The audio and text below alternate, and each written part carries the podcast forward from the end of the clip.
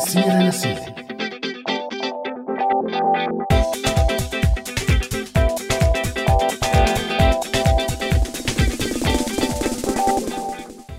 وسهلا بكم بحلقة جديدة من برنامج من حديث إلى حديث. أرحب بجميع من يستمع إلينا على هواء إذاعة سوريال. أما إذا كنتم تتساءلون لماذا نتحدث اللغة العربية الفصحى فذلك يعود إنه موضوع حلقتنا لليوم. العمش ما حكيت؟ كم دقيقة فصحى وتعبت؟ وتخيل بقى المذيعين يلي شغلتهم يحكوا بس بالفصحى. ليش عم نطرح الموضوع اليوم؟ لأنه اللغة العربية بالعموم خضعت لكثير متغيرات ولأننا كسوريين كان الاهتمام باللغة العربية الفصحى عالي كثير على أكثر من مستوى. فتخيلوا مثلا إنه العربي كانت مادة مرسبة وكان ممنوع إنه تنحط آرمة بآرمة محل بلغة أجنبية بمرحلة من المراحل. ولما ماعت القصص شوي وصارت الناس تعمل آرمات بكل اللغات طلع قرار بال 2008 بيشدد على هذا الشيء وصار في نقاش طويل عريض عن الموضوع. المهم إنه كان في شيء مركزي بعلاقتنا مع اللغة الفصحى فمثلا أفلام كرتوننا بالفصحى والأوراق الرسمية كلها بالفصحى. اليوم كثير من السوريين يلي صاروا ببلدان اللجوء صارت اللغة العربية الفصحى أقل حضورا بحياتهم. وصارت تدخل كلمات أجنبية من بلدان اللجوء وحتى جوات سوريا كتير تغير التعاطي مع اللغة الفصحى. مع موجة نحن مو عرب نحن سوريين. موجة أو موضة بس أكيد هذا الشيء رح يأثر على اللغة العربية بالعالم ككل. مشان هيك تعالوا نحكي ونفكر مع بعض عن تاريخ هي اللغة وماضيها وشو مستقبلها وشو يلي عم يتغير فيها بهي الحلقة الجديدة من برنامج من سيرة لسيرة.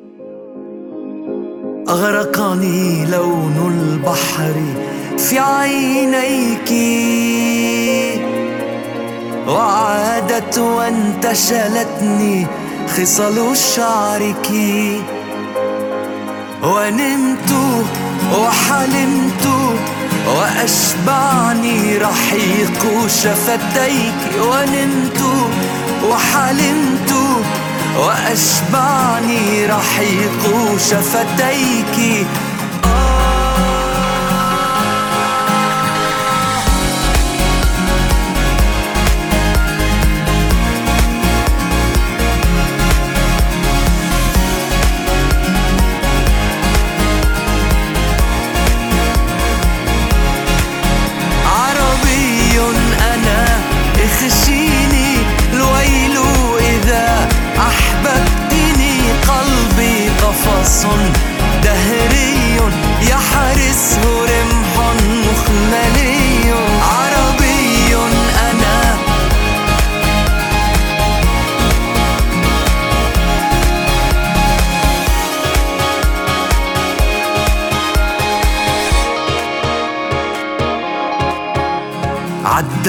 لك أنا دقات قلبي لترقصي معي فلسك المفضل. ونمت وحلمت وأشبعني رحيق شفتيك. ونمت وحلمت وأشبعني رحيق شفتيك. سؤال حلقتنا لليوم مستمعينا هل برأيكم رح تختفي اللغة العربية الفصحى قريبا ولا رح تضل وليش؟ ولتجاوبوا على سؤالنا لليوم فيكم تتواصلوا معنا على صفحاتنا على مواقع التواصل الاجتماعي فيسبوك وتويتر أو من خلال رسالة صوتية أو مكتوبة على رقم واتساب 00962 7798 512 10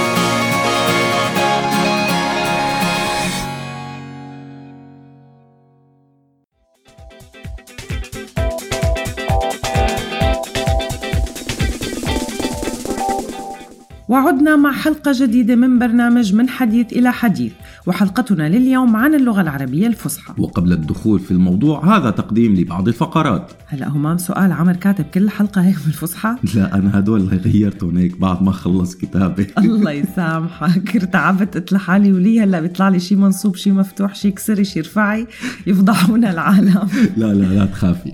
بكل الأحوال أول فقرة من فقراتنا اليوم رح تكون منقوشتنا مع رئيفة واللي رح تحكي لنا فيها عن الحروف والوشوم. أما كارولين فرح تحكي بفقرة ليرة ورا ليرة عن الاقتصاد واللغة والترابط بيناتهم. وزميلنا بسام داوود رح يحكي لنا بفقرة سوريين لبعض عن جمعية سوريا الديمقراطية 33 وجاي سيرتك على فكرة عزة ها عم تمزح الله يستر شو حاكي هاد بعد شوي بتسمعي. ماشي يا يا ريتك ما قلت لي. وآخر الفقرات رح تكون شو قولك ويلي رح نستضيف فيها اليوم شخص من أهل البيت ومن عائله سوريالي وهي الصديقة والزميلة الغالية جدا أماني عبدو معدة البرنامج سابقا. أما بدايتنا فرح تكون مباشرة مع المنقوشة ورئيفة خانم.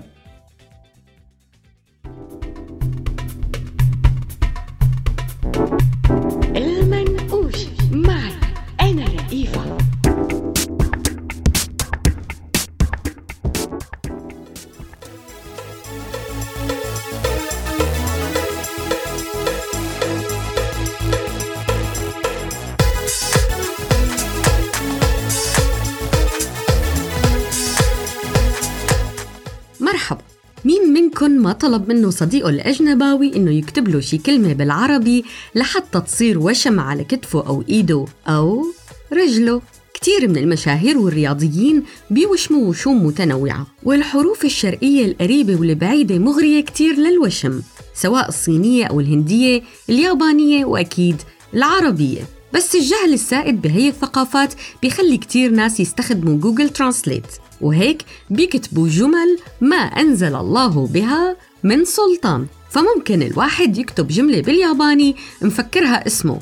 بيطلع معناتها شي تاني تماما. المهم أنا لأني بحب الفاينة طلبوا مني صديقاتي إنه أعطيهم جمل حلوة بالعربي مشان تصير وشم. فخليت واحد يكتب رضاكي يا أمي. وصديقة بيضة الشقرة طويلة خارقة الجمال خليتها تكتب باطل.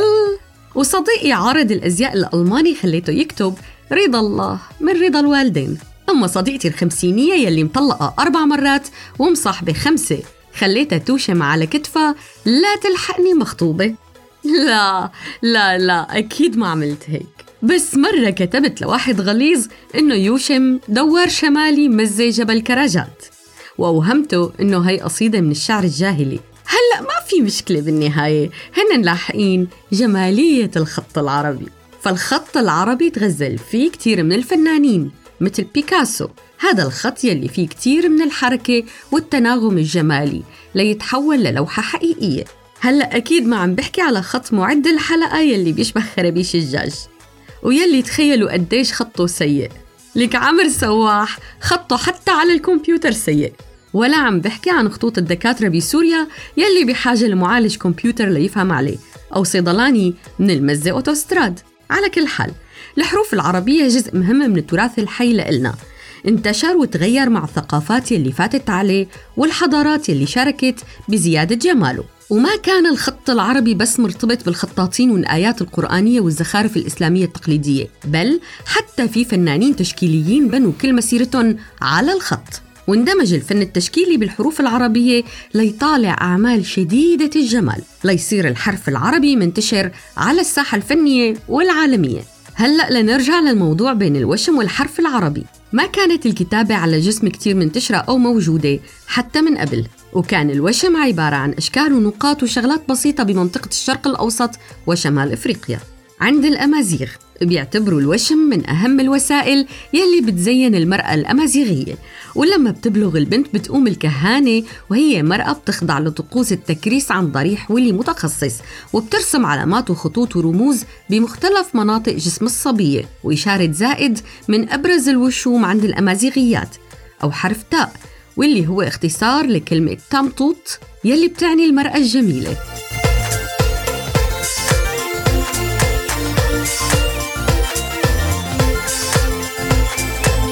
الوشم عنا اسمه مثل ما الكل بيعرف هو الدق وأشهر من وشم من جماعتنا الديريات والحورانيات وأشهر أنواعه الرثمة وهو وشم بيكون في طرف الشفة بالإضافة لوشف وزلف ونقطة. أما الحجول فبيندق بأسفل الرجل. بالعراق بموسم الربيع وهو موسم الوشم بياخدوا هالصبايا الزبدة واللبن لعند الدقاقة واللي هو اسمه بيشبه الدقاقة عنا بسوريا أو إلها اسم تاني بالعراق يلي هو أم هرفي وهي يلي بتوشمن. ومنها طلع المثل العراقي دقاقة وتدق لبنتها.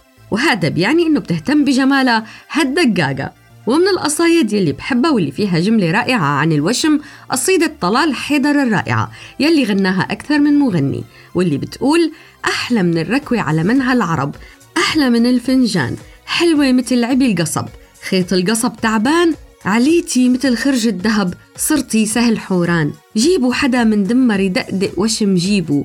من الهامة والوشم بن محمص وهب الهوى شامي. غمازة اللي على الخد ما لها اسم والخد قدامي ومكحلة والكحل راسمها رسم. مين اللي برق لامي؟ الحقيقة لما منفكر بالوشم مع الخط العربي ما منتذكر وشوم أبو عنتر أو وشوم الجدات بالبادية السورية. بل منتذكر أنجلينا جولي ووشم العزيمة. ووشم ريانا يلي كاتبة الحرية في المسيح. أو تسوي زالدانا يلي كاتبة بلا معنى أريديو ساليها. بس بعدين اعترفت إنه كان بدها تكتب أريد أن أسألها. بس يبدو إنها انحظت بوحدة بتريد الخير. أما زوي كرافيتس فاستعانت بجوجل ترانسليت ووشمت جملة دع الحب القاعدة بدلا من دع الحب يسيطر. حبيبنا كولين فارل كتب كلمة الحرية. وأخيرا وليس آخرا. ليونا لويس يلي وشمت أنا لحبيبي وحبيبي. إلي.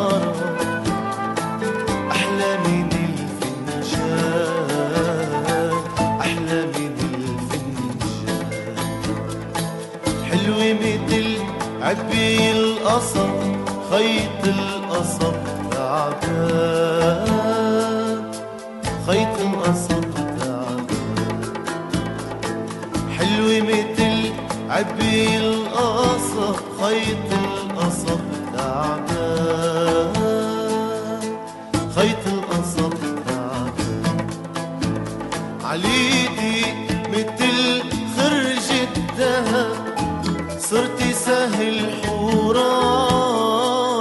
عليدي مثل خرج الذهب صرتي سهل حوران.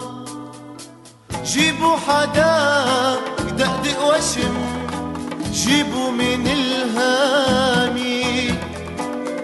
جيبوا حدا يدقدق وشم جيبوا من الهامي جيبوا حدا يدقدق وشم جيبوا من الهامي جيبوا حدا يدقدق وشم جيبوا من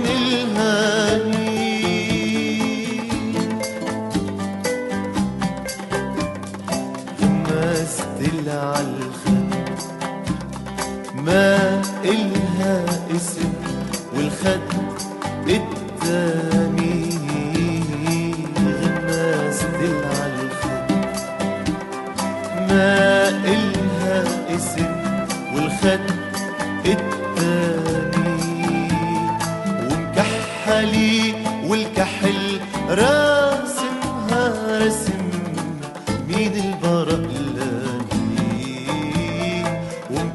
حالي والكحل راسمها رسم مين البرقلة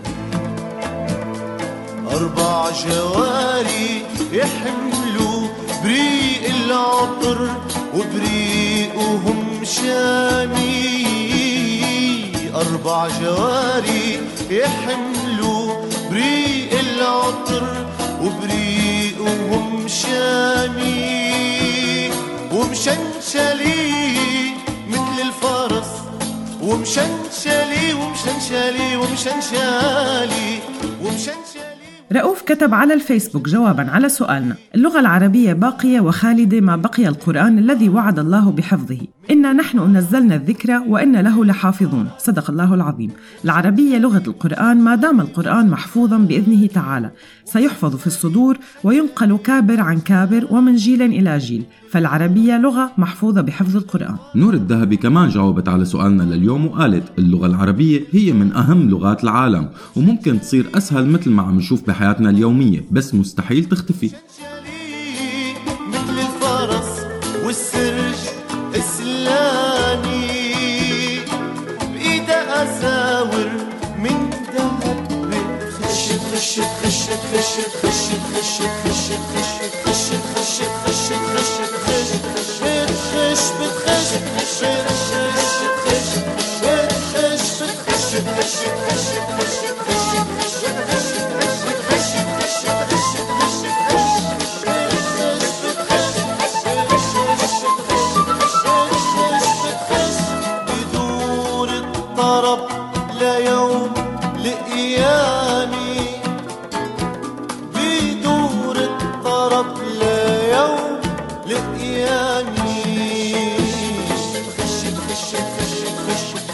Thank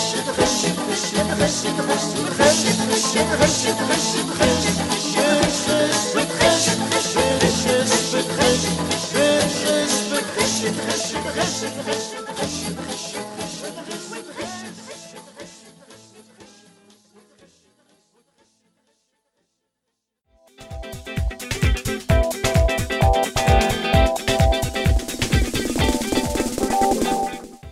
ورجعنا مع راديو سوريالي وببرنامج من سيرة لسيرة وحلقتنا اليوم عن اللغة العربية الفصحى. وللحقيقة عز الأسئلة المرتبطة باللغة العربية كتير كتيرة ودائما ما بتطلع على السطح بين فترة وفترة لأسباب عديدة. من الأسئلة المرتبطة أحيانا باللغة العربية أو اللغة العربية وتعاملها مع اللغات الأجنبية وقديش فينا ناخد من هاي الكلمات الأجنبية من عدمه. ودائما الجواب هو إنه ما لازم ناخذ من أي لغة تانية وبيربطوا الأشخاص يلي بيدافعوا عن اللغة العربية إنه اللغة العربية غنية بما فيه الكفاية. وما في داعي لحتى ناخذ كلمات من غير ثقافات. وفي ناس بترجح قدسية اللغة العربية من ارتباطها الكتير بالقوي بالدين وفي ناس بتشوف إنه هاي القدسية عم تقتل اللغة العربية وفي ناس بتشوف إنه صارت لغة متحفية وما عم تقدر تتطور. طبعا بكتير من دول العالم في مراكز بحثية أو مراكز لحفظ اللغات بيحاولوا دائما يعيدوا النظر بالكلمات والحروف ويضيفوها على المعاجم. بس وحدانية اللغة أو ثباتها بكل الدول بنكتشف همام عن جد إنه كذبة كبيرة. فمثلا بالفرنسية اللي بكندا ما بيشبه الفرنسية اللي بفرنسا ونفس الشيء الفرنسية اللي ببلجيكا أو بدول أفريقية كتير مختلف. في مكونات عم تدخل في عوامل تاريخية عم تتدخل بهذا الشيء ونفس الشيء اللغة الإنجليزية. وما عم بحكي بس عن اللفظ والمفردات لا حتى طريقة تركيب الجمل أحيانا بتختلف. ونفس الشيء اللغة العربية. تعرضت لمليون مؤثر من أول ما نشأت لليوم. تعرضت لكلمات ومفردات جاية من الخطوط التجارية ومن ثقافات وحضارات قريبة سواء من جهة مصر أو من جهة الآراميين وغيرها من الحضارات يلي اختلطت فيها الجزيرة العربية. وخلال تطور هي اللغة كملت باقتباس وأخذ الكلمات سواء من دخول شعوب وأقوام تانية بهي الحضارة مثل الفرس والهنود والتركمان والقائمة تطول. هلا هون بدي خالفك شوي لأنه كثير من الباحثين بيقولوا إنه قدسية اللغة العربية وسبب الشغل على قواعدها يلي طلعت بمراحل متقدمة من الزمن كانت بسبب دخول هي الشعوب واللغات يلي بلشت تاثر على اللغة بشكلها الفطري. صحيح بس أنا يلي بدي أقوله إنه اللغات الحية دائما بتأثر بالمحيط تبعها. يعني لليوم الأوروبيين على الأقل المثقفين منهم بيضلوا يدوروا على جذور الكلمات العربية بثقافتهم كجزء من بحث بجذور ثقافتهم كلها. فالفرنسيين على سبيل المثال كتير بينبسطوا إنه كلمة قهوة كافيه كافا جاية من العربي أو كلمة طبيب. بس باللغة العربية بيرفضوا كتيرين يربطوها مع جذور تانية. وبيرفض كتير من الناس يعترفوا إنه العربيه اللي بنحكيه اليوم هي نفسها اللي كانوا يحكوها بالقبائل بهديك الأيام. بمقال بجريدة القدس العربي بيطرح كاتبه بالعنوان سؤال وهو هل كان العرب يتكلمون الفصحى؟ وبيحكي المقال كيف عمل مسلسل يوسف الصديق ضجة كبيرة. هذا المسلسل يلي انبث باللهجة التونسية عمل ضغط كبير بعد ما انعرض بال 2018 على تلفزيون نسمة التونسي فالناس شافت إنه اللغة أو اللهجة العامية نزلت من قدر المسلسل التاريخي. وبرأي الناس والنقاد إنه الأنبياء ما لازم يحكوا مثلنا وبيسأل كاتب المقال إنه بعيدا عن الفصحى أو عربية الشعر أو الأمثال والخطب والحكم الناس قبل 1400 سنة ما كانت هي لغتهم الدارجة أو لغة التعبير اليومي ويمكن ما بنعرف شيء عن هذا الشيء أو ما بنعرف شيء عن هي العربية. وبيقول كاتب المقال أنه بعض علماء اللغة بالماضي كانوا أكثر تسامح من علماء اليوم فالكسائي بالعربية فتح مجال للغات أو اللهجات الغربية عكس سيباوي وتوسع الكسائي بقواعد النحو والصرف حتى تقدر تشمل كل القراءات. هلا همام بيني وبينك نحن كتير غمقنا بالموضوع هذا الموضوع انكتب فيه كتير ودائما بينطرح فيه وجهات نظر مختلفة بس هذا النقاش اللي عمله المسلسل التونسي صار مثله بكتير من المجالات فمثلا بالمسرح دائما المسرح كان بالفصحى ولما بلشت تطلع تجارب باللهجة العامية مثل تجربة عبد المنعم عمايري أو حكيم مرزوقي أو غسان مسعود فيما بعد كان في استهجان واستغراب. بس طبعا في كتير ناس وقفوا لجانب هي التجارب وهذا الشيء غير كتير بالموضوع. من جهة تانية إذا منروح على الطب وعملية التعريب بيسألوا كتير من الناس قديش هذا الشيء اليوم مهم وضروري أو حتى مفيد. فبسوريا لليوم بيدرس الطب باللغة العربية الفصحى. بس شو الفائدة لما الواحد بده يطلع مثلا يعمل دراسات عليا بده يرجع يدرس كل شيء بلغة أجنبية.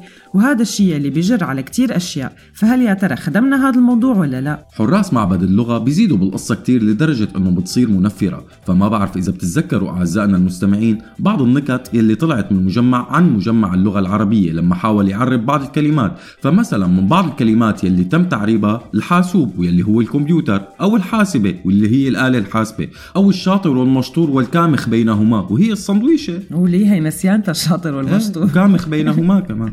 الحقيقة اللغة العربية الفصحى كتير تراجعت بالفترات الأخيرة والأخطاء الشائعة صارت أكثر بكتير والأغلبية الكبيرة من البرامج اللي بتنبث على الفضائيات بتنبث باللهجة العامية وصار في نشرات أخبار وبرامج سياسية بالعامي كمان. والحقيقة في كتير من الناس بلشوا يدقوا ناقوس الخطر وإنه بجوز اللغة العربية الفصحى تختفي أو على الأقل تصير لغة عبادة مثل ما صار مع كتير من اللغات مثل اللاتينية والسريانية والأرامية. بس هلأ وبعيدا عن الناحية الدينية بالموضوع رح ننتقل لفقرتنا الجاية ليرة ورا ليرة. مع كارولين لنسمع شو رح تخبرنا عن اللغة العربية الفصحى والاقتصاد. ليرة ورا ليرة. معي أنا كارولين.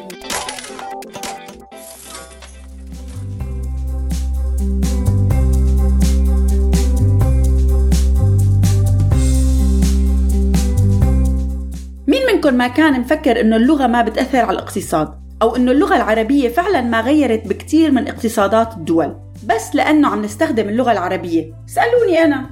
أصلا يمكن أحد أهداف اللغة الواحدة لشعوب كتيرة كان هو الاقتصاد. مرحبا معي أنا كارولين بفقرة جديدة من ليرة ورا ليرة.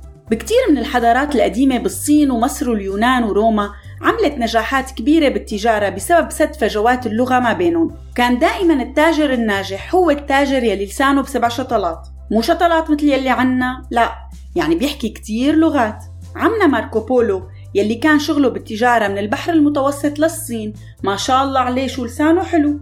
وهذا الشيء اليوم كتير حاضر. فأشهر رواد الأعمال بيحكوا ثلاث لغات وبالطالع. وحسب موقع The Conversation عمنا مارك زوكربيرج مؤسس فيسبوك عم بيتعلم أو يمكن خلص ختمها للغة الماندرين شيت الصين. مو لأنه مدامته صينية بس يعني إنه بيضرب عصفورين بحجر بحسن علاقاته الاقتصادية والعائلية. مثال تاني عن علاقة اللغة مع الاقتصاد. بأواخر الثلاثين من القرن التسعة عشر صار في حرب جديدة بين أمريكا وبريطانيا بس هاي المرة هاي الحرب كانت حرب لغوية وسموها حرب المعاجم. وخلصت طبعا بانتصار أمريكا يلي خلص الإنجليزي تبعها بطل مثل الإنجليزي تبع المملكة المتحدة. هاي المشكلة صارت بين اثنين من رواد صناعة المعاجم تبع الإنجليزي وورسستر يلي ممكن نسميه للنموذج الإنجليزي المحافظ من اللغة والثاني هو صديقنا العزيز ويبستر المتحرر ال cool. هذا الصراع ما بس كان سببه التخلص من تقل اللغة الإنجليزية البريطانية بلهجاتها بل تكوين روح للأمة الأمريكية اللي خالصة من الحروب وعم بتحاول تكون شخصيتها هلأ من كل هذا الحكي بدي أقول شغلة إنه لما خسرت بريطانيا هاي المعركة ما وقفت سنجع عرض مع الإنجليزي تبع الأمريكان لا هي بالعكس شافت إنه هذا السوق عم بيمشي وتركته بمعنى تركته يمر لأنه كانوا الإنجليز عرفانين أي انتشار للإنجليزي هو انتشار لقوتها الناعمة رغم تحرر معظم التابعين من إمبراطوريتها العظيمة منها. حكينا من قبل بحلقة اللغات عن دور تعلم اللغة بالمكاسب الاقتصادية وهون اكتشفت معلومة تانية بتقول إنه البريطانيين بيعرفوا إنهم سيئين بلغات تانية. اللهم إلا لما بدهم يعملوا تأثير سياسي بصيروا بلابل. مدري الله يرحمك مدري الله لا يرحمك يا لورانس العرب. على كل الإحصائيات بتقول إنه الحكومة تبع المملكة المتحدة بتخسر تقريبا 3.5% من ناتجها المحلي الإجمالي كل سنة لأنه في نقص بالمهارات اللغوية. هذا الشيء يلي ما عم تعمله أمريكا رغم إنه بتحكي إنجليزي بس مع ترامب والشعبوية تبعه. في بعض الدراسات بتقول إنه أمريكا بعد جيل ممكن تبلش تخسر بسبب بعض السياسات اللي عم بتخلي الناس توقف تحكي إنجليزي. هذا الشيء بخلينا نروح على بلد مسالم بريء هو سويسرا يلي تقدر القيمة الاقتصادية للتعددية اللغوية فيها بنسبة 10% من ناتجها المحلي. وهذا بيرجع لأنه الناس بكتير من الشركات والمنظمات بيشتغلوا بأكثر من لغة وبيعرفوا جمل من نوع انطيه لك زس منرجع للغة العربية والدور يلي لعبته اللغة العربية عبر التاريخ كان سبب بانتعاش اقتصاد كتير من الدول. دول كتيرة ببداية الثورة النفطية علمت موظفيها عربي. أو جابت موظفين عرب ليحكوا. السياحة العربية العربية نشطت بمراحل كتيرة بسبب أنه السياح والمضيفين بيحكوا عربي. آخر مثال عن اقتصاد اللغة رح يكون عن الكتب. فاقتصاد بيع الكتب الدينية هو من أعلى اقتصادات الكتب. متخيلين شو رح يصير إذا منخلي الناس تقرأ؟ الدراما نفس الشيء السينما نفس الشيء اقتصادات كاملة قايمة بحالها على شو؟ على اللغة. كنت معكم أنا كارولين بهاي الفقرة من ليرة ورا ليرة. نصايح ببلاش تابعونا.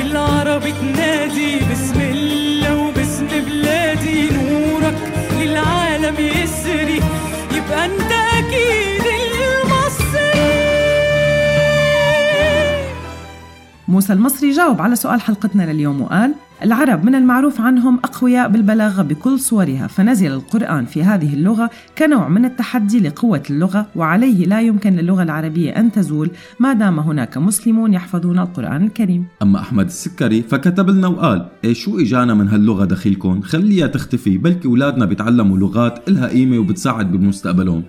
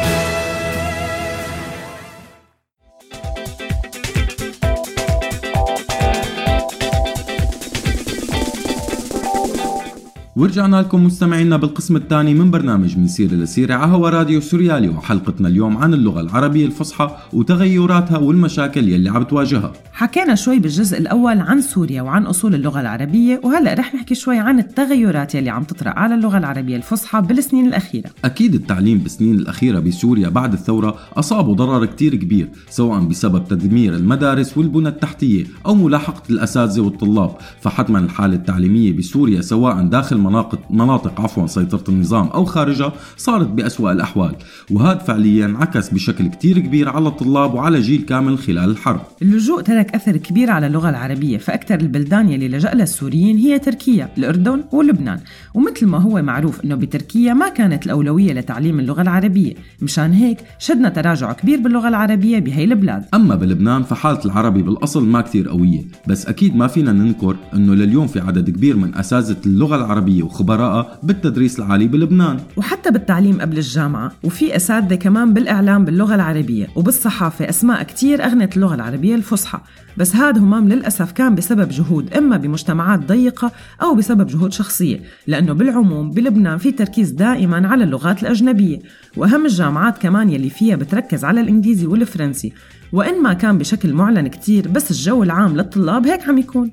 كتير من الدعم للجمعيات والمؤسسات يلي كانت عم تدعم السوريين وقف اليوم وهذا أكيد مو بس انعكس على اللغة العربية وإنما على التعليم كله بشكل عام. ونفس الشيء توقف الدعم عن كتير من المدارس بمخيمات الزعتري وأصلا الحالة المعيشية بالزعتري سيئة للغاية. عملنا فتلة على بعض البلدان المحيطة وفعليا التدريس بالعموم صعب وبيصير ما في تركيز على اللغة العربية بقدر ما في تركيز على نيل العلم بشكل عام. أما بالدول الأوروبية فالوضع كمان كان صعب فرغبة كتير من الأهل باندماج أولادهم بهي المجتمعات الجديدة بحط تقل كتير على الطفل وحتى الطفل نفسه ببلش بيلاقي حاله أكثر بالمجموعة الأكبر ويلي هي المجتمع الجديد يلي وصل له. وفعلا منبلش منشوف أطفال عم يشتغلوا مترجمين لأهاليهم بالأماكن العامة وفجأة بتصير اللغة العربية كتير ثانوية وأحيانا بيفقد الرابط بين الأهل والأطفال بالأحاديث يلي ممكن تترك أثر على الطفل ليصير يختصر التبادل المعلومات على الحد الأدنى. بس همام هذا الشيء مربوط باللغة العامة مو بس باللغة الفصحى مو؟ صحيح معك حق بس هذا جزء من المشكلة كمان. بلشت في كتير من المشاريع يلي عم تحاول تلاقي رابط مع اللغة الأم سواء من خلال مكتبات عربية صرنا نقرأ عنها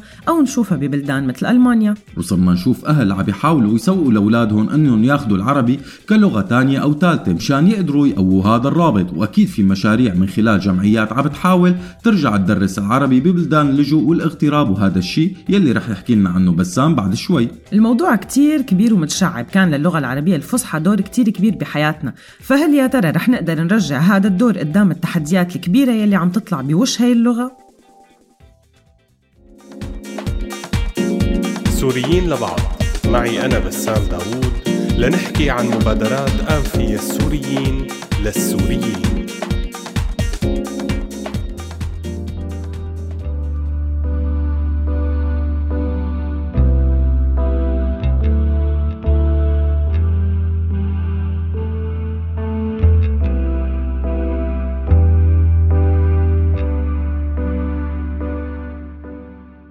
مرحبا. مع وصول اللاجئين لدول أوروبا كتير من الجمعيات السورية حاولت تشتغل مع اللاجئين على تعلم اللغات الأجنبية ببلدان اللجوء يلي وصلوا لها وخاصة بالفترة يلي ما بيكون لسه اللاجئ حصل فيها على حق اللجوء. لكن الضغط المعنوي والرغبة بتعلم لغة جديدة لناس طالعة من وطنها غصب عنها خلى فكرة الحفاظ على اللغة الأصلية عند كتير من الناس فكرة ما كتير واضحة. بس بعض الجمعيات بكتير من دول اللجوء حست على هذا الموضوع وعم تحاول تتلافى النقص أو الفراغ بتعلم اللغة العربية وخاصة عند الأطفال وتساعدهم على تعلم لغتهم الأم بظل انشغال الأهل بالحياة الجديدة بالبلد الجديد. من هاي الجمعيات جمعية سوريا ديمقراطية 33 هاي الجمعية تأسست ب 11 تموز سنة 2011 حسب قانون الجمعيات رقم 1901 بفرنسا. كان السبب من وراء تأسيسها أن توقف جانب السوريين اللي جايين حديثا على فرنسا وبوردو على وجه الخصوص ومساعدتهم بمعاملات اللجوء لم الشمل مرافقتهم بالزيارات الطبية وغيرها من المواعيد المهمة. كمان ساعدت كتير من الشباب العازبين على إيجاد أماكن للسكن. وللي ما بيعرف فرنسا ما فيها مخيمات لجوء وكتير من الشباب بيواجهوا صعوبات بإيجاد سكن. قدرت تتأمن سكن عن طريق معارف للمتطوعين والعاملين بهاي الجمعية. بالإضافة لهذا الشيء قدمت سوريا ديمقراطية 33 وعلى فكرة ال 33 هو الكود البريدي لبوردو. قدمت هاي الجمعية دروس الفرنسي للقادمين الجدد هاي الدروس ما بتوقف خلال الصيف. بالإضافة لجلسات محادثة خلال أيام الجمعة المساء بصالة بساج سيج. وكانت الجمعية تنظم مظاهرات عند انطلاق الثورة ولليوم بتحرص أنه يكون صوتها واضح وبالأخص بمدينة بوردو. بعد فترة شعر القائمين على الجمعية بمن فيهم مديرها الحالي السيد نواف الصفدي بأنه في نقص بالدروس المجانية للغة العربية وهيك طلعت الفكرة بتقديم دروس عربية مجانية والمفاجأة كانت الإقبال الشديد عليها. فكرة هاي الدروس كانت تحدي بالنسبة للجمعية لأنه دروس باللغة العربية للأطفال كانت مجانية بحيث أنه ما يكون في التزام للطفل. وهيك جذبت هاي التجربة على مدار السنة ما بين 25 ل 30 طفل تقسموا على أربع مجموعات.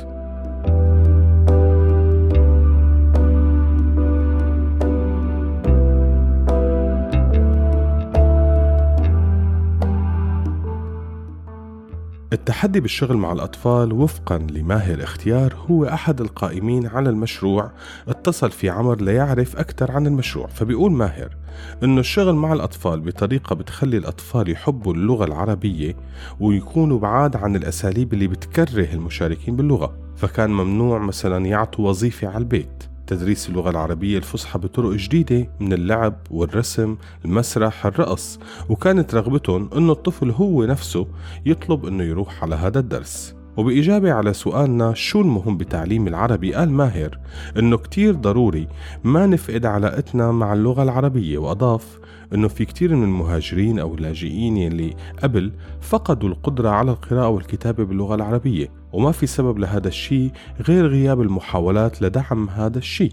وأضاف ماهر أنه الطفل عم يتعلم فرنسي أسرع من لغته الأم. وبعد بعض الوقت ببلش الطفل يلعب ويكبر على أفكار بالفرنسي ومن الممكن يوصل لمرحلة تنقطع علاقته نهائيا مع اللغة الأصلية اللغة العربية. والأب والأم من الصعب أنهم يوصلوا لمستوى الابن أو الأبنة باللغة الفرنسي. هذا الشيء ممكن يدفعه أنه يدور ليعبر عن مشاكله ومشاعره كطفل بعيد عن الأهل والعائلة. بشوف ماهر أنه اللغة هي وسيلة لاندماج الطفل وبقائه مع أهله وإتقانه للغة العربية هو سلاح للمستقبل رح يفيده وسلاح للبقاء مع عائلته. من الشغلات اللي خلت هاي الدروس مميزة إنه كانت فرصة للأهالي للقاء بعضهم البعض. الأطفال بيدخلوا للقاعات بينما الأهل بيشربوا قهوة وشاي خلال الدروس يلي بتوصل مدتها أحيانا لساعتين. هاي الدروس ما بس جمعت عائلات سورية في كمان عائلات عراقية عائلات مغاربية وأكيد فلسطينيين سوريين. إيه أخواتي بالإضافة لهي الأسماء كان في شغل بالمسرح مع كلود دانييل ورقص مع عزة سواح. عزة سواح. سمعان هالاسم من قبل. آه اي عزة سوريالي صح. بنرجع هلأ لعند عزة وهمام. كان معكم بسام داوود بفقرة من سيرة لسيرة سلام.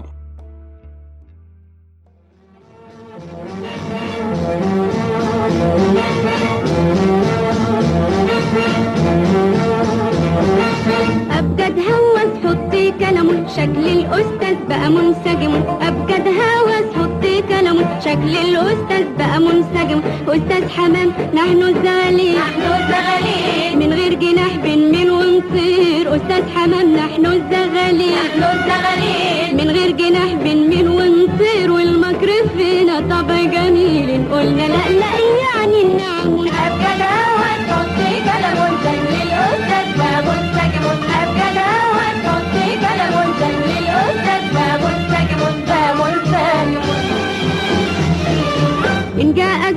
أو حضر عمرو طب وإحنا مالنا إن شاء الله ما حضروا طب وإحنا مالنا إن شاء الله ما حضروا إن جاء زيد أو حضر عمرو طب وإحنا مالنا إن شاء الله ما حضروا طب وإحنا مالنا إن شاء الله ما حضروا المبتدا هنجيب لك خبر ومن نظرة واحدة هيصبح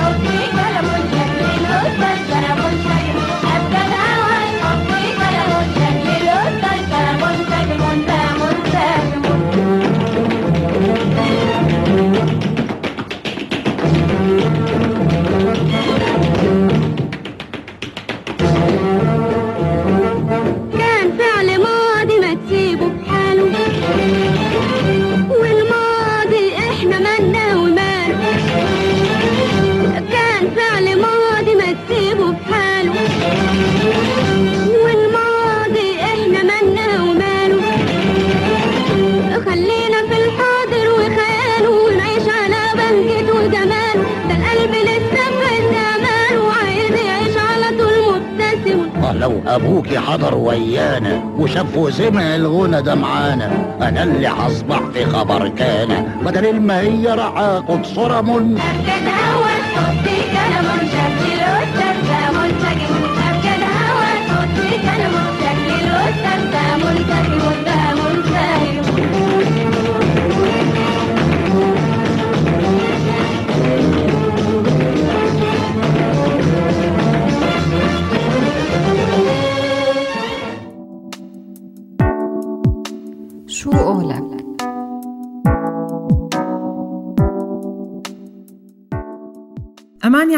كاتبة وشاعرة سورية خريجة أدب عربي من جامعة دمشق وحاصلة على شهادة دبلوم عالي بالتأهيل التربوي. بلشت مسيرتها بالكتابة سنة 2000 وتنقلت بين عدد من الصحف المطبوعة والإلكترونية. وتنوعت كتاباتها بين المقال الأدبي والخواطر والقصائد الشعرية. أماني كان إلها رحلة سنين مع راديو سوريالي وبصمة كتير كبيرة تركتها خاصة بإعداد برنامج من سيرة لسيرة. بدنا نرحب اليوم بزميلتنا الشاعرة أماني عبدو. سوريالي سوريالك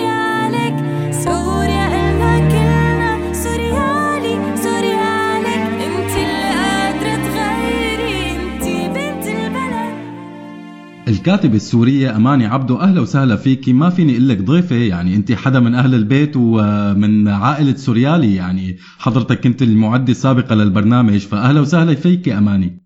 يا أهلا فيك همام ويا أهلا فيك عزة وأهلين بسوريالي وأهلين بجمهور سوريالي العزيز والغالي على قلبي. هو بصراحة يعني أنا علاقتي مع سوريالي بلشت كضيفة. وبعدين صارت يعني وبعدين اشتغلت مع سوريالي بفترة كانت يعني بصراحة من أحلى فترات مسيرتي ال- ال- المهنية. وهلأ بيسعدني إني أرجع أكون ضيفة على سوريالي. أكيد ونحن بنتشرف بإستضافتك آه، أماني. أكيد كتير مبسوطين بوجودك معنا اليوم أماني. خلي لي اياكم تسلمي لي آه، أماني بداية بدي أسألك قديش ممكن يأثر اللجوء على اللغة العربية الفصحى بالمستقبل؟ شوف بداية نحن يعني اليوم موضوع ال- ال- اللغة العربية وإمكانية استمرارها كلغة حاضرة وإمكانية انقراضها وكل هذا الحكي هو موضوع موضوع كثير كبير وموضوع بنفس الوقت كثير جدلي وخاصة مع حركة اللجوء. هلأ قديش ممكن يأثر اللجوء؟ أنا برأيي اللجوء رح رح يكون له تأثيرين تأثير سلبي وتأثير إيجابي. التأثير السلبي اللي هو بالنسبة للناطقين باللغة نفسهم اللي هن اللاجئين اليوم. لأنه آه، اليوم اللاجئين هن بيحكوا اللغة العربية وهن رح يكونوا الجيل الأول الناطق باللغة العربية والمتحدث فيها.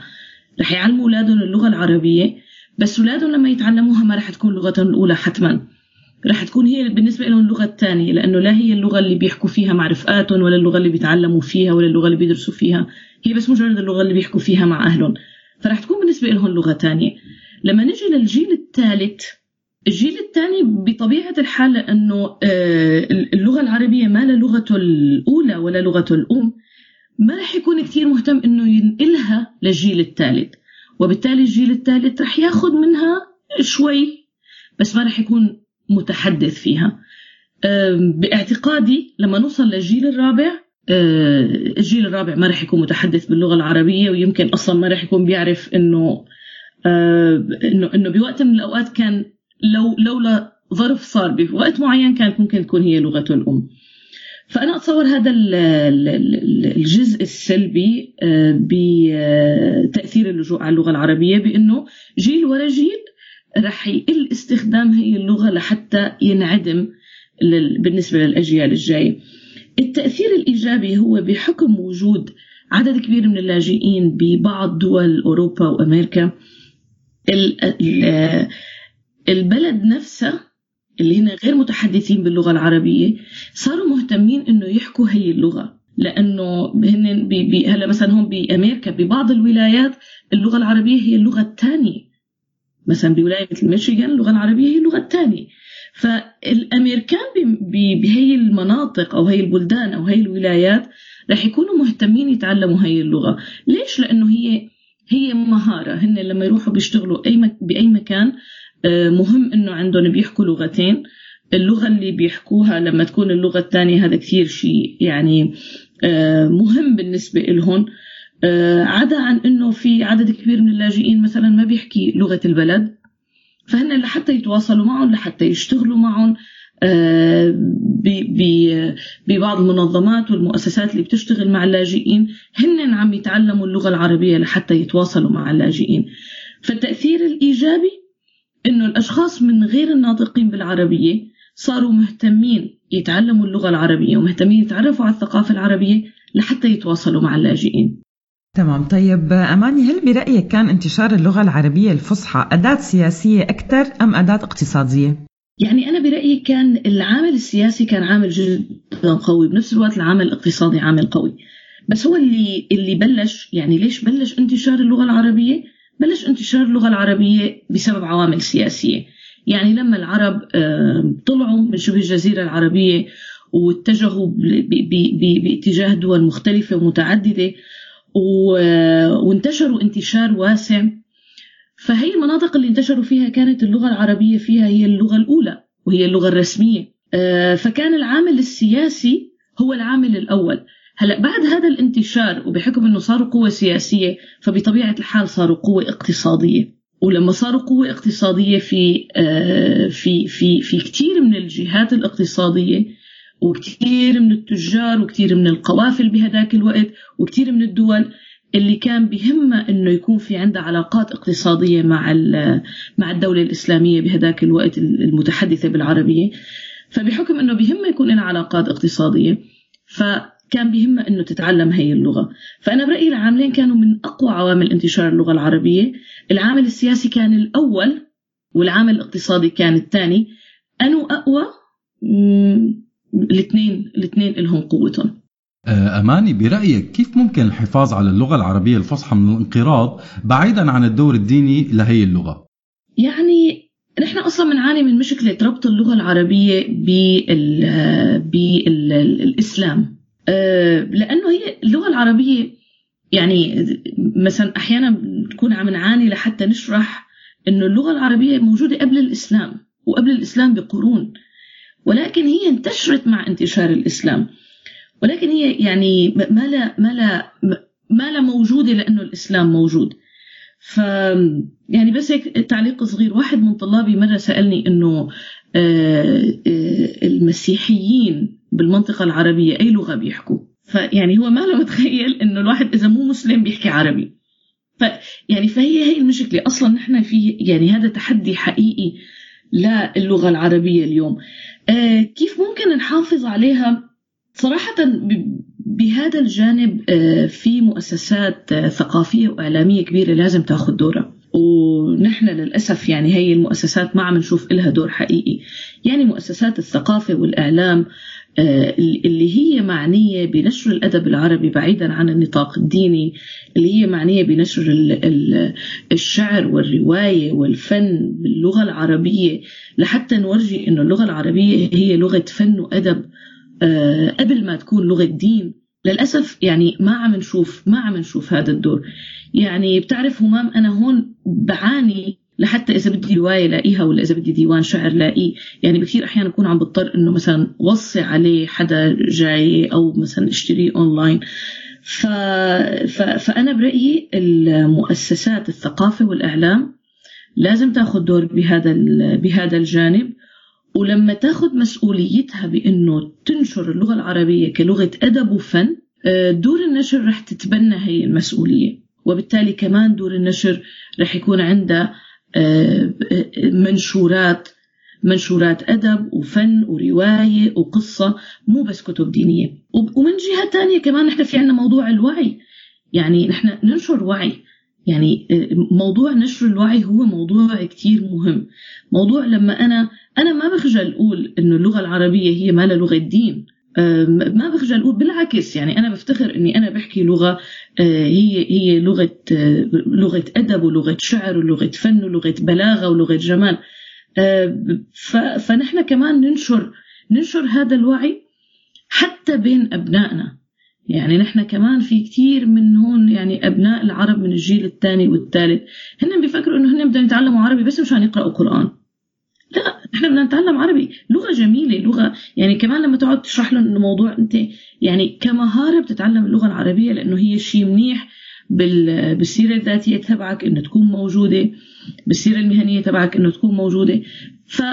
كمان الوعي ننشر الوعي كأفراد كأهالي كآباء كأبناء كمدرسين ككتاب كمؤسسات. كمان هذا له دور كتير كبير. طيب أماني برأيك قديش تركت أثر الشعوب يلي دخلت عليه يلي دخل عفوا عليها الإسلام على اللغة العربية؟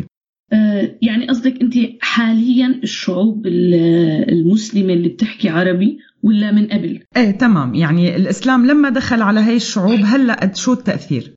هلأ في في تأثير إيجابي اللي هو كان نشر اللغة العربية على نطاق واسع بهي الدول ويعني مثلا لولا هذا الانتشار يمكن اليوم كانت اللغة العربية محدودة بشبه الجزيرة العربية بشوية قبائل. آه، ولكن يعني أكيد كان في له دور كبير بنشر الثقافة. ولكن من جهة ثانية إذا بدنا نحكي عن الأثر الحالي نحن اليوم بنشوف كثير من المسلمين اللي بيحكوا عربي اللي عفوا بيقرأوا عربي بس ما بيفهموا ولا كلمة بالعربي. هي مو لغة. يعني أنت بتشوفي واحد آه، بيقرأ كثير منيح. بتسأليه أنت شو قرأت؟ بيقول لك ما بعرف. وبيعرف يقرأ بس ما بيفهم ولا كلمة. فهذا كمان يعني هذا ما فينا نعده إنه متحدث بالعربي ولكن إذا اجينا للإحصائيات بيعتبروه متعلم عربي لأنه هو بيقرأ وبيكتب. تمام؟ فهذا يعني عم يكبر نسبة المتحدثين بالعربي بس بنفس الوقت عم يكبر النسبة جوات المتحدثين اللي ما بيفهموا عربي. متحدث غير فاعل. بالضبط متحدث غير فاعل. يعني كثير التوصيف دقيق. فكان فهذا أثر يعني هذا هذا أثر سلبي عامل أثر سلبي. الأثر الثاني هو اللي كنا عم نحكي عنه قبل شوي إنه هي الشعوب عم تحافظ على ربط اللغة العربية بالدين. لأنه عم يتعلموها بسبب ديني فعم يضل ببالهم والفكرة اللي بي بيآمنوا فيها واللي بينشروها إنه اللغة العربية هي لغة الدين. وهذا هذا الحكي ماله ماله دقيق. ف... فأظن هذا يعني كمان آه، أثر سلبي. طيب أماني رح نبعد شوي عن الدين وندخل بالسياسة بقى. آه، برأيك هل لعبت الأحزاب القومية العربية دور بتراجع اهتمام الناس بلغتهم الأم؟ آه، ممكن بسبب الضغط المتزايد على على على على استعمال اللغة العربية الفصحى مما أدى لمثلا النفور منها؟ يعني شوف نحن في في مسألة صراحة ما كنا مدركينها قبل ما نطلع من سوريا. يعني كنا مبسوطين إنه سوريا فيها أنا بحكي عن سوريا يعني. كنا مبسوطين إنه سوريا فيها لغة عربية قوية والموضوع جيد والأمور تمام. بس وقت اللي طلعنا شفنا قديش الموضوع آه، يعني مأثر فينا بشكل سلبي. يعني أنت مثلا آه، طبعا بوجود أحزاب قومية اللي اللي فرضت اللغة العربية واللي فرضت تعلمها واللي فرضت تعريب العلوم وهذا الشيء كان كثير خطير. تعريب العلوم آه، أدى لأنه أنت ممكن يكون عندك واحد عالم بمنطقة ما. لما يطلع من هاي المنطقة هو ما بيفهم شيء. أنت اليوم اللغة العربية هي ما اللغة العالمية. ما اللغة العالمية. بس نحن لما بنسمع خطاب هي الأحزاب لما تتحدث عن اللغة العربية بتفكر أن اللغة العالمية وأنت بتحكي أهم لغة بالعالم. نعم هي لغة مهمة وهي لغتنا الأم وبنعتز فيها. بس يعني آه، نضحك على حالنا ونقول هي لغة عالمية؟ لا. هي لغة العلوم؟ اليوم لا. فالطبيب ولا المهندس ولا العالم ولا الكيميائي ولا الفيزيائي لما طلع خارج هي الدائرة شاف وضعه كتير صعب شاف حاله ما بيفهم شيء شاف حاله بعد هالمسيرة العلمية كلها هو مضطر يبدأ من الصفر ليتعلم لغة تانية ليتعلم هذا العلم اللي تعلمه بهي اللغة. بيلاقي حاله يعني هو فعليا رح يضيع عمره وما رح يقدر يحصل هي المكانة. فهذا عمل دور كتير سلبي بأنه هذا الشخص آه، ما رح يكون مهتم يعلم ابنه عربي. مع كل الوعي اللي عنده مع كل العلم اللي عنده المعرفة اللي عنده آه، اللغة العربية بالنسبة له ما رح تكون شيء أساسي إنه يعلمها لأولاده لأنه هو بشكل أو بآخر شاف حاله ما استفاد منها. فهون صار النفور من اللغة العربية لأنه لما هدول الناس الكفاءات طلعوا لبرا وشافوا حالهم شافوا العربي ما فادهم بشيء فأدى إلى آه، نفور باللغة العربية. ومن جهة ثانية هو يعني جيد لأنه كان في حفاظ على اللغة العربية. بس أنا يعني أنا برأيي هو جيد أنه كان في حفاظ على اللغة العربية ولكن المغالاة فيه حولت هذا الجيد لسيء. وحولتنا لناس لما طلعنا برات البلد كان وضعنا صعب بحكم إنه ما بنحكي غير هي اللغة. طيب أماني هلا أنت من أنو صف؟ من صف الانفتاح على اللغة العربية وتقبل الكلمات من اللغة الأصلية أم أنه دائما برأيك لازم نلجأ لابتكار كلماتنا الخاصة بهي اللغة؟ والله يمكن أنا من الصف الرابع بفكر بهذا السؤال. شوفي هو الموضوع كتير جدلي. و... وصعب يعني صعب حدا يجاوبك عنه. حتى علماء اللغة صعب يجاوبوك عنه. بس أنا شخصيا بشوف إنه نحن هلأ ما رح نقعد نحكي اللغة العربية بطريقة المعلقات مثلا ولا رح نحكي اللغة العربية ب يعني برواية عبد الله بن المقفع أو بقواعد سيبويه. ما رح نحكيها هيك. أنا مع اللغة العربية المعاصرة. يعني أنت مثلا اليوم يا بتسمعي ناس عم يحكوا لغة عربية بتسمعيها ب- ب- ب- بشكل غريب يعني لأنهم مثلا بيستخدموا الكلمات الصعبة الكلمات الجزلة الكلمات اللي مو أي حدا بيفهمها. أو بتشوفينا مثلا إنه آه، عم نحكي كلمتين عربي و30 كلمة لغة تانية. أنا لا مع هاد ولا مع هاد. بالنهاية نحن آه، اليوم عايشين بكل مكان بالعالم. بدنا نحافظ على لغتنا؟ وبنفس الوقت بدنا بدنا نكون منفتحين. فأنا برأيي إنه آه، الانفتاح مو غلط بس مع الحفاظ على طابع اللغة. كيف يعني؟ يعني نحن اليوم مثلا آه، آه، يعني عربنا كتير كلمات. خلينا نحكي هيك مثال بسيط الكمبيوتر. الكمبيوتر نحن باللغة العربية حاسوب طيب هي اللغة معربة. طيب أنا أستخدم كمبيوتر ولا حاسوب؟ طيب أنا لما أعلم لغة عربية إذا بدي أعلمه حاسوب ويقوم هو يحمل حاله ويروح على دولة عربية ما رح ما رح يسمع حدا عم يقول حاسوب. تمام؟ فأنا يعني مع الانفتاح مع إنه تكون اللغة آه، لينة مع إنه تكون اللغة آه، بسيطة مع تقبل نحن مشكلتنا بالتقبل أنا مع تقبل آه، إنه لغتنا اليوم هي ما لغة علوم. فنحن أنا شخصيا هذا الشيء كتير شخصي أنا شخصيا مالي مع تعريب العلوم. يعني لما إجي أنا أجيب مثلا نظرية بالفيزياء وحولها باللغة العربية وبعدين مثلا يعني أنا هون اليوم كتير بسمع مثلا تعبيرات فيزيائية أنا بعرفها بس ما بعرف إنه اللي عم يحكوا عنه نفس الشيء اللي أنا بعرفه لأنه أنا تعلمته بالعربي. ف... فأنا مع إنه نحافظ على لغتنا العربية لما نكتب عربي نكون عم نكتب صح يكون في مؤسسات تساعدنا وتدعمنا لحتى نتعلم العربي بشكل صح. بنفس الوقت من لما نحكي عن ال- العلوم والاختراعات والابتكارات والتطورات نكون منفتحين ونكون متقبلين إنه ناخدها بأسماء الإنجليزية. بالنهاية مثل ما قلت لغة اللغة العربية اليوم مو لغة العلوم. وقت كانت اللغة العربية لغة العلوم ال- اللغات الثانية ما كان عندها مشكلة تاخذ اليوم بالإنجليزي كلمة الجبر يعني الجبر كلمة عربية الجبر بالإنجليزي هي من الجبر كلمة عربية. الخوارزميات انتقلت للغات الثانية وهي كلمة عربية. بلشت ب ب يعني عند العرب. آه، في كثير من الكلمات لأنه بيوم من الأيام كانت اللغة العربية لغة العلوم. فانتقلت هي المصطلحات مثل ما هي. فأنا مع الحفاظ على المصطلحات. أنا مع الحفاظ على المصطلحات ولكن آه، مالي مع المغالاة وإنه نحن نحكي يعني نتباهى بقديش بنعرف لغات تانية فصير نحكي كلمتين عربي ونحكي آه، 80 كلمة إنجليزي أو غير لغة. آه، أماني بنشوف اليوم كثير من الناس بيتغنوا بجائزة البوكر العربية يلي هي من جهة من جهة الاسم وطريقة اختيار الفائزين وبكثير من تفاصيلها مانها عربية. آه، برأيك ليش لجأوا العرب لأكثر جائزة اليوم مرموقة وسموها بهذا الاسم بدل ما يسموها اسم عربي مثلا؟ هلا يعني لك شيء هي جائزة بوكر هي جائزة بريطانية أصلا واليوم يعني اليوم جائزة البوكر العربية هي مدعومة من مؤسسة جائزة بوكر البريطانية. آه، هي في لها اسم عربي هي اسمها هي الجائزة العالمية للرواية العربية. طبعا هذا الاسم ماله معروف يعني كل الناس تعرفها بجائزة بوكر. بس بحكم إنه هي مدعومة من جائزة بوكر البريطانية فهنا مثل ما يعني إنه تم تم بالتسمية الحفاظ على ال- الاسم الأصل للجائزة. يعني هي الجائزة آه، مثل ما تفضلت بتفاصيلها وبطريقة اختيار الفائزين وبطريقة معالجة ال- ال- النصوص وكل هذا الحكي هي اتبعت النمط اتبعت الأسلوب البريطاني بحكم إنه هي جائزة بوكر هي جائزة بريطانية. فهي أخذت المبدأ وأخذت النمط وأخذت الدعم من مؤسسة جائزة بوكر البريطانية. عربتها سوت الجائزة العالمية للرواية العربية.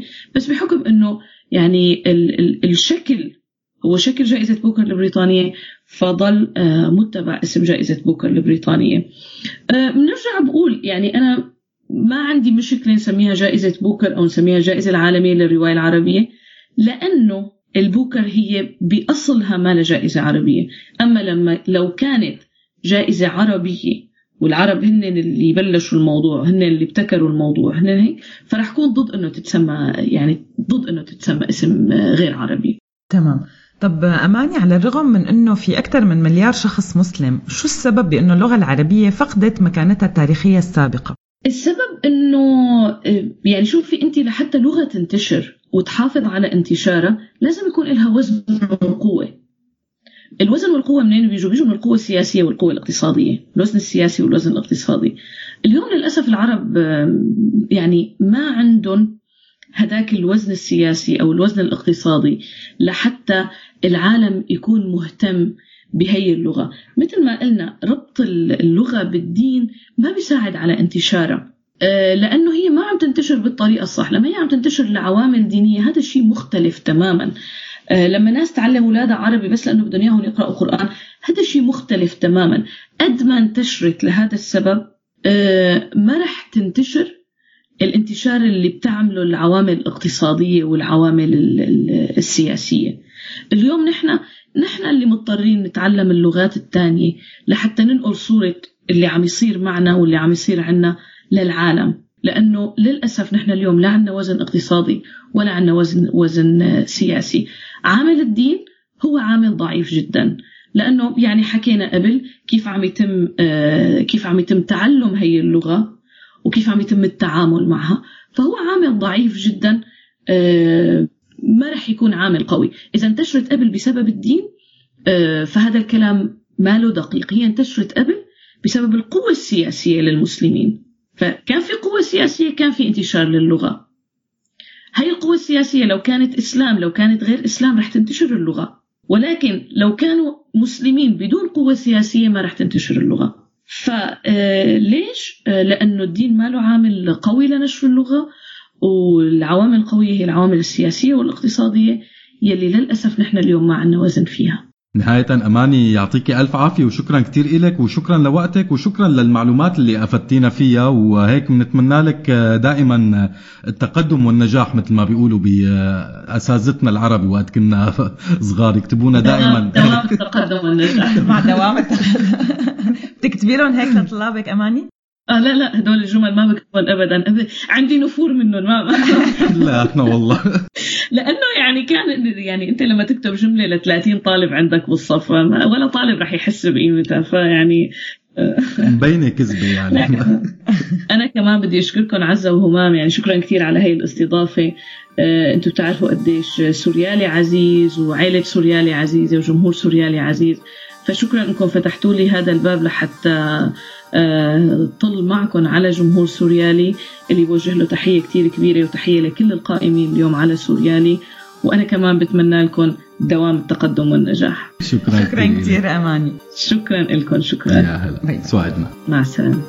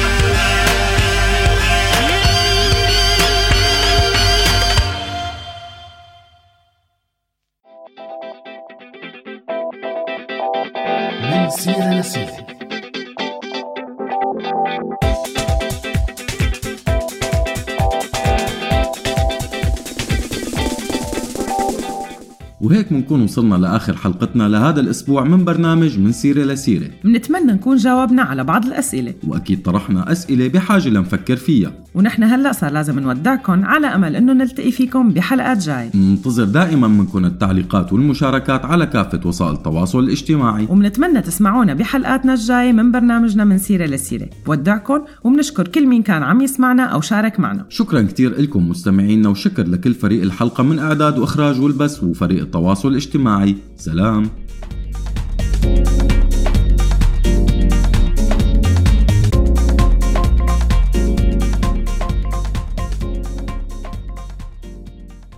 هذا البرنامج من إنتاج راديو سوريالي 2019